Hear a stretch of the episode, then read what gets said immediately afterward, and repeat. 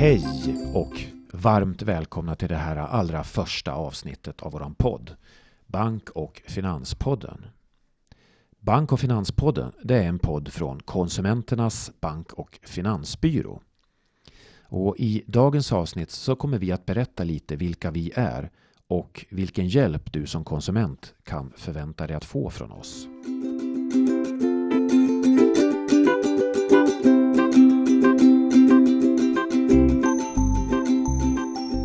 Jag heter Fredrik Pettersson och jag arbetar till vardags som jurist på Konsumenternas bank och finansbyrå. Och eftersom det här är vårt första poddavsnitt så har jag idag med mig Kiki Westerståhl i studion. Och Kiki, hon är sedan tio år tillbaka chef på Konsumenternas bank och finansbyrå. Hej Kiki! Hej Fredrik! Du, vad kul att vi äntligen är på gång med den här podden, Bank och Finanspodden. Ja, det är jätteroligt. Bakom Bank och Finanspodden står Konsumenternas bank och finansbyrå. Men vad är det för en organisation? Vi är en stiftelse utan vinstintresse och vi är helt oberoende. Eh, vi startade 1994 och vi har en styrelse som då innehåller, eller där våra huvudmän då är, sitter i styrelsen. Och eh, det är Konsumentverket, Finansinspektionen, Fondbolagens föreningen, Svenska bankföreningen och eh, Svenska fondhandlarföreningen. Ni är alltså en stiftelse säger men kan du inte berätta lite mer om verksamheten som Konsumenternas bank och finansbyrå har? Vad är det ni gör? Vårt uppdrag är att hjälpa konsumenter genom att svara på frågor inom bank och värdepappersområdet och vi ska lyfta fram konsumentperspektivet i olika sammanhang. Vi informerar, vi hjälper och påverkar. Finns det någonting mer du kan berätta om Konsumenternas bank och finansbyrå? Hur många anställda är det till exempel? Vi är sju jurister och Eh, jag är chef och sen har vi då sex jurister i rådgivningen och sen har vi två stycken halvtidsanställda som arbetar med vår stora webbplats. Du nämnde ju tidigare att byråns uppgift är att hjälpa konsumenter. På vilket sätt gör ni det rent konkret? Konsumenterna kan ringa till oss och man kan mejla till oss och eh, då kan man också få svar på olika bank och värdepappersfrågor. Vi som svarar är jurister då och eh, servicen är kostnadsfri för de som kontaktar oss. Vilken är den vanligaste kontaktvägen in för konsumenter? Det är telefon. De flesta vill ringa och prata med oss och höra vad vi, vad vi kan hjälpa dem med. Ah, är, det, är det enkelt att komma fram till, till rådgivningen? Ja, vi har faktiskt inga kötider. Vi gör eh, allt vi kan för att kapa eh, kötiderna så att man ska få vänta så kort tid som möjligt för att få svar på sin fråga. Har du något exempel på, på frågor som man kan få i rådgivning? Då några frågor som konsumenter ställer? Det är en otrolig spännvidd på de frågor som vi får in i vägledningen. Det kan vara eh, enkla frågor som eh, rör ett sparkonto om det omfattas av den statliga insättningsgarantin. Och eh, sen kan det vara också om ett bolag är seriöst, man känner inte igen namnet på, den här, eh, på det här företaget. Men eh, sen kan frågorna vara betydligt mer komplexa och det kan röra allt från finansiell rådgivning och de här nya amorteringsreglerna som har kommit nu. Vad är den vanligaste frågorna, eller vilka är de vanligaste frågorna som konsumenter ställer då i rådgivningen? Några av de vanligaste frågorna rör lån och eh, bolån. Just nu så är det väldigt mycket frågor om reglerna som rör amortering. Ska, och sen kan man också fråga mer allmänna frågor om man ska binda räntan eller inte. Det är en vanlig fråga. Men sen får vi också många frågor som rör öppna konto, till exempel rätten och möjligheten att öppna ett eh, grundläggande betalkonto som är en ny rättighet. Och så får vi också eh, konstigt nog får man väl säga, många frågor om dödsbon. Det, ja, dödsbon, hur kommer det sig då? Ja, det är ett av de eh, vanligaste eh, sökorden på vår webbplats då. Och eh, det är ju, alltså, jag jag vet faktiskt inte riktigt varför man söker om på, eh, eh, frågor om dödsbon eh, på vår webbplats, men eh, det är det. Jag tror att många egentligen har frågor och det är en sån sällan händelse. Det är ju någonting man inte så ofta råkar ut för att en person går bort i ens närhet och men, men, de frågor som uppstår där. Då. Rent konkret, en sån, vad är det ni, ni kan svara på då? För i dödsbo, det är mycket familjejuridik antar jag? Ja, just det. Ja, vi informerar ju bara om förhållandet som rör dödsboet och banken. Vi drar en gräns där, men sen har vi lite mer allmän information på webbplatsen då som innehåller, så där man kan se en allmän grund. Men om man har en fråga som då inte rör ett förhållande mellan dödsboet och banken, vi säger att det är någon tvist mellan dödsbodelägarna, vad är, vad är rådet då? Ja, då ska man ju vända sig till en familjerättsjurist. Och sen då förstår jag att det även finns klagomål som konsumenter har. Vad, vad kan det vara ett vanligt klagomål som en konsument har? Ett av de vanligaste klagomålen som vi har haft över ganska lång tid, som inte vill minska, det rör obehöriga uttag från kort. Där konsumenterna då undrar hur ska jag få tillbaka mina pengar som har försvunnit från kontot? Och så undrar man då vilka regler som gäller. Ja, vad, vad är, bara kortfattat, ett obehörigt uttag för de som inte känner till det? Ett obehörigt uttag är när någon har eh, lyckats komma åt pengar på ditt konto utan att du har haft någon avtalsvilja att ingå det här. Eh, något, liksom, det finns i grunden inget avtal eh, eh, för det här uttaget, utan det är någon som då antingen bedrägligt på något sätt har lyckats komma över dina uppgifter eller på något sätt eh, lurat dig. Ja, jag förstår. Det, det rör ju ofta ganska stora summor också det där då. Ja, det gör det. Och där finns det lite skyddsregler som kan vara bra att känna till. Men också väldigt stora och stränga krav har man på konsumenterna hur man ska behandla sitt kort och eh, de här doserna man får från banken och så vidare. Obehöriga uttag. Det där låter kanske som att det är ett kommande poddavsnitt från Konsumenternas bank och finansbyrå om kort. Vi får se vad som händer. Ni har ju en webbplats också Kiki, www.konsumenternas.se. Vad kan du säga om den? Det är en webbplats som vi sedan ett antal år tillbaka driver tillsammans med Konsumenternas försäkringsbyrå som är vår systerorganisation och de gör samma sak som vi fast på försäkringsområdet. Och här har vi samlat då väldigt mycket bra information inom det finansiella området som då sträcker sig även över försäkringsområdet.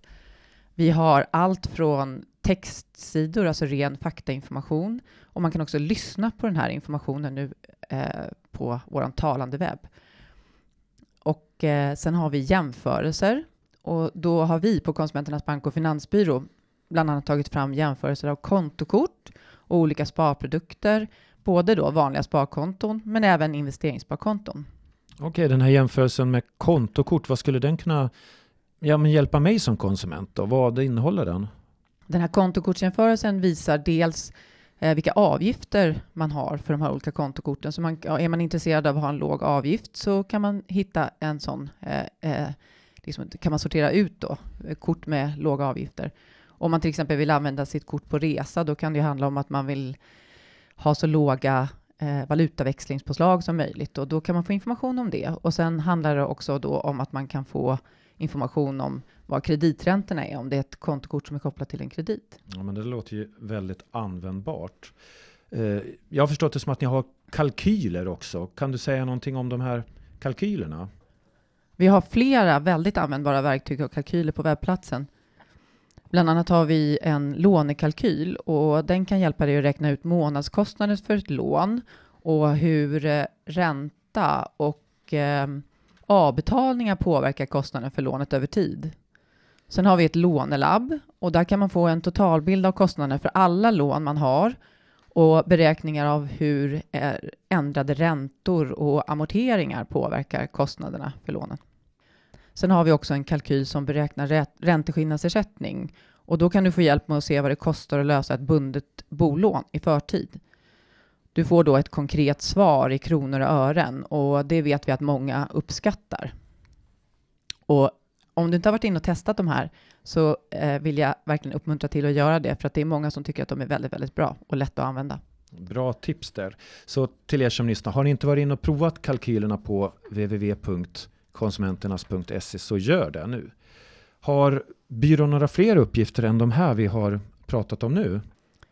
Ja, vi har flera andra viktiga uppgifter. Vi ska vägleda konsumenter som vill klaga på ett beslut eh, från eh, till exempel en bank då, om man har varit i kontakt med banken och är missnöjd med ett beslut. Och då har vi en klagomålsguide på webbplatsen som ger bra hjälp till självhjälp. Och man kan också ringa förstås till oss i vägledningen. Så eh, där kan man få bra stöd, eh, men man kan inte eh, eh, få hjälp av oss som ombud, för det kan vi inte vara. Utan vi kan bara ge dig ett stöd för att eh, berätta hur du kan ta ditt klagomål vidare.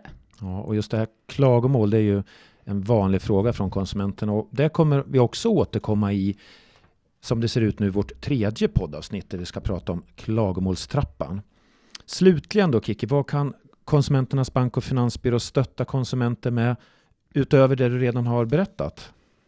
Ja, det här handlar ju om att vi hjälper enskilda konsumenter och eh, det gör vi. Det är en del av det vi jobbar med. Men sen så eh, har vi också en viktig uppgift att ta tillvara alla de här viktiga konsumentsignalerna som vi får. Och då återkopplar vi dem till våra huvudmän och även direkt till bankerna och myndigheterna. Och det här är ju för att branschen ska utvecklas och bli bättre. Och vi vill bidra med att göra den finansiella marknaden mer begriplig och välfungerande för konsumenter. Mm. Nu har vi nämnt textsidor och jämförelser och kalkyler och att man kan ringa eller mejla till byrån och få hjälp. Men finns det någonting då som byrån inte gör eller frågor som byrån inte svarar på? Ja, det finns ju gränser då för vårt område och vi kan inte ge privatekonomisk rådgivning, så vi kan inte sätta oss ner med en enskild konsument och gå igenom ärendet för just dem, utan det blir allmän vägledning och information. Och eh, det innebär alltså att vi utreder inte enskilda ärenden. Eh, vi processar inte och eh, vi skriver inga inlagor, så att om man ska gå vidare till ARN, då kan man få allmänna råd och tips om hur man ska utforma en anmälan och vi kan hjälpa till att reda ut vad som är sakligt och juridiskt korrekt att ta med i en ansökan, men, eh, eh, och vad man, vad man inte behöver ha med för att den ska bli så tydlig och bra som möjligt, men man får skriva den själv. Ja. Så om jag nu skulle ringa till, till rådgivningen och fråga om jag ska binda min boränta eller inte, då skulle jag alltså inte få något svar på den frågan rent konkret? Nej, inte rent konkret, utan där skulle vi hjälpa och ge stöd till att eh, eh, liksom, man får en bättre, ett bättre underlag för hur man ska tänka. Sen är det till slut man själv som måste avgöra om man tycker att det här är en, en eh, att känslan av att ha en liten försäkring genom att binda räntan eller om man faktiskt vet att man ska flytta om några år, då kanske man inte ska binda den överhuvudtaget. Så att vi, man kan bolla lite grann för och nackdelar med olika saker, men man måste själv fatta beslut i slutändan. Så det är egentligen hjälp till självhjälp skulle vi säga? Ja, det är ett väldigt bra sätt att sammanfatta det. Vi ger hjälp till självhjälp och vi försöker stödja så långt vi kan. Mm. Hur, hur är det enklaste sättet att kontakta byrån då? Ja, det är ju att ringa till oss eh, på telefonvägledningen och då har vi öppet eh, vardagar mellan 9 och 12 och vi har som sagt sällan kö. Okej, och vad är telefonnumret till Konsumenternas bank och finansbyrå då? Det är 0200 22 58 00. Och om man skulle vilja mejla byrån, hur gör man då? Ja, det kan man göra när det passar en själv, för vår mejlfunktion är öppet dygnet runt. Och vi svarar så snabbt vi kan. Är det ett enklare ärende så får du oftast svar på dagen och är det något mer komplicerat då kan det dröja kanske upp till ett par, tre dagar. Ja, men ganska omgående svar ändå har man att förvänta sig. Nu har jag ju förstått att du har varit chef då på Konsumenternas bank och finansbyrå i tio år, Kiki. Är det någonting du skulle vilja berätta om som du tycker att Konsumenternas bank och finansbyrå har medverkat till? Ja, vi har ju sett en ganska stor förändring av finansmarknaden under de här tio åren som jag har varit på byrån. Och eh, det vi kan se som har hänt under den här tiden, som, där vi har definitivt bidragit genom vår återkoppling, det har varit eh, det här med ombindning av bolån som framgår att eh, man, när man får ett brev hem från banken så binds lånet om till eh, samma, samma räntevillkor som man hade förra gången, men man får en ny räntesats. Och nu eh, för tiden så eh, när man inte svarar banken så läggs eh, ett femårigt bolån om till ett lån med tre månaders bindningstid istället. Och den förändringen har skett successivt här genom åren. Och sen, har by byrån bidragit på något sätt då till den, att genom återkoppling eller liknande? Ja, vi har just jobbat med återkoppling där och berättat att eh, det här är någonting som många konsumenter klagar på. Det här är någonting som bankerna förstås kände till själva. De hade ju många klagomål på det här, men vi har också bidragit då med, genom att göra de här inspelen. Så alla de här frågorna vi får från konsumenter är ju otroligt viktiga att vi får in dem. För då, på så sätt så kan vi liksom analysera och skicka tillbaka till våra huvudmän. Och banker och myndigheter de tar då till sig det som konsumenterna har delgett Konsumenternas bank och finansbyrå förstår jag det som. Ja, man kan säga att vi har inga egna tänder. Vi kan inte fatta beslut eller utföra några vitesförelägganden eller så, men eh, vi återkopplar och vi försöker påverka och är det, ser vi en, en, någonting som behöver förändras så, så släpper vi inte den frågan utan då fortsätter vi. Och eh, de kan avgöra själva om de ska förändras eller inte, men är det någonting som vi tror ska där det behövs tillsyn, då återkopplar vi till våra eh, myndigheter, Finansinspektionen och Konsumentverket, och då får de avgöra om de ska agera i de här frågorna. En liten svår fråga, men har du någon vision för de kommande tio åren? Hur tror du att utvecklingen på bank och finansområdet ser ut? Är det någonting du skulle kunna spekulera om? Alltså det vi ser nu är ju en, en uh, fantastisk utveckling av den uh, digitala uh, och teknik och teknikområdet så att vi får en helt nytt utbud av tjänster och produkter som kommer på finansmarknaden och det är ny teknik som ska, eh, konsumenter ska ta till sig.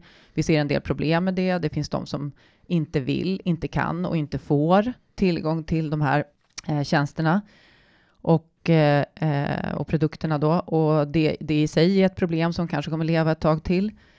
Och sen så ser vi då, eh, ja egentligen håller hela finansmarknaden på att ändras, så att jag tror att den kommer se helt annorlunda ut om, vad sa du, fem år eller? Ja, jag bara hittar på något. Ja. Men det här du säger de sista sakerna, det här digitala utanförskapet, att de konsumenter då som inte har tillgång till datorer och bankkonton, de, de blir utestängda. Hur, hur ska vi kunna lösa det?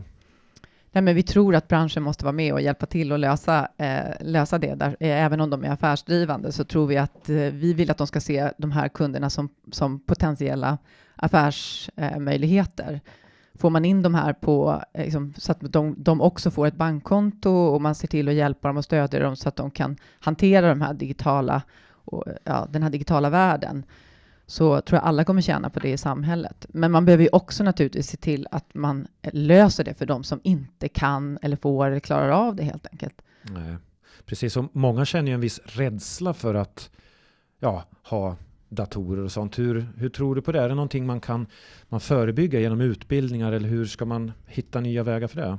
Mm, det finns eh, en del projekt som jobbar med att försöka stödja det här med datoranvändning och att liksom förenkla så att man ska våga använda till exempel en internetbank och ett bank-id om man, om, om man är en sån person som faktiskt kan och får eh, men inte vill i dagsläget. Och då, då eh, jobbar nu Svenska bankföreningen tillsammans med, med eh, Sparbankerna för att försöka nå ut och eh nå den här gruppen så att de ska börja använda ja, internetbanken och bank-id och bankkort och eh, närma sig liksom den här digitala verkligheten. Ja, det är ju inte helt enkelt det här digitala. Nej. Men då hoppas jag att ni som lyssnar där ute har fått lite mer kunskap om vad Konsumenternas bank och finansbyrå är för en organisation och vad Konsumenternas bank och finansbyrå kan göra för er som konsumenter.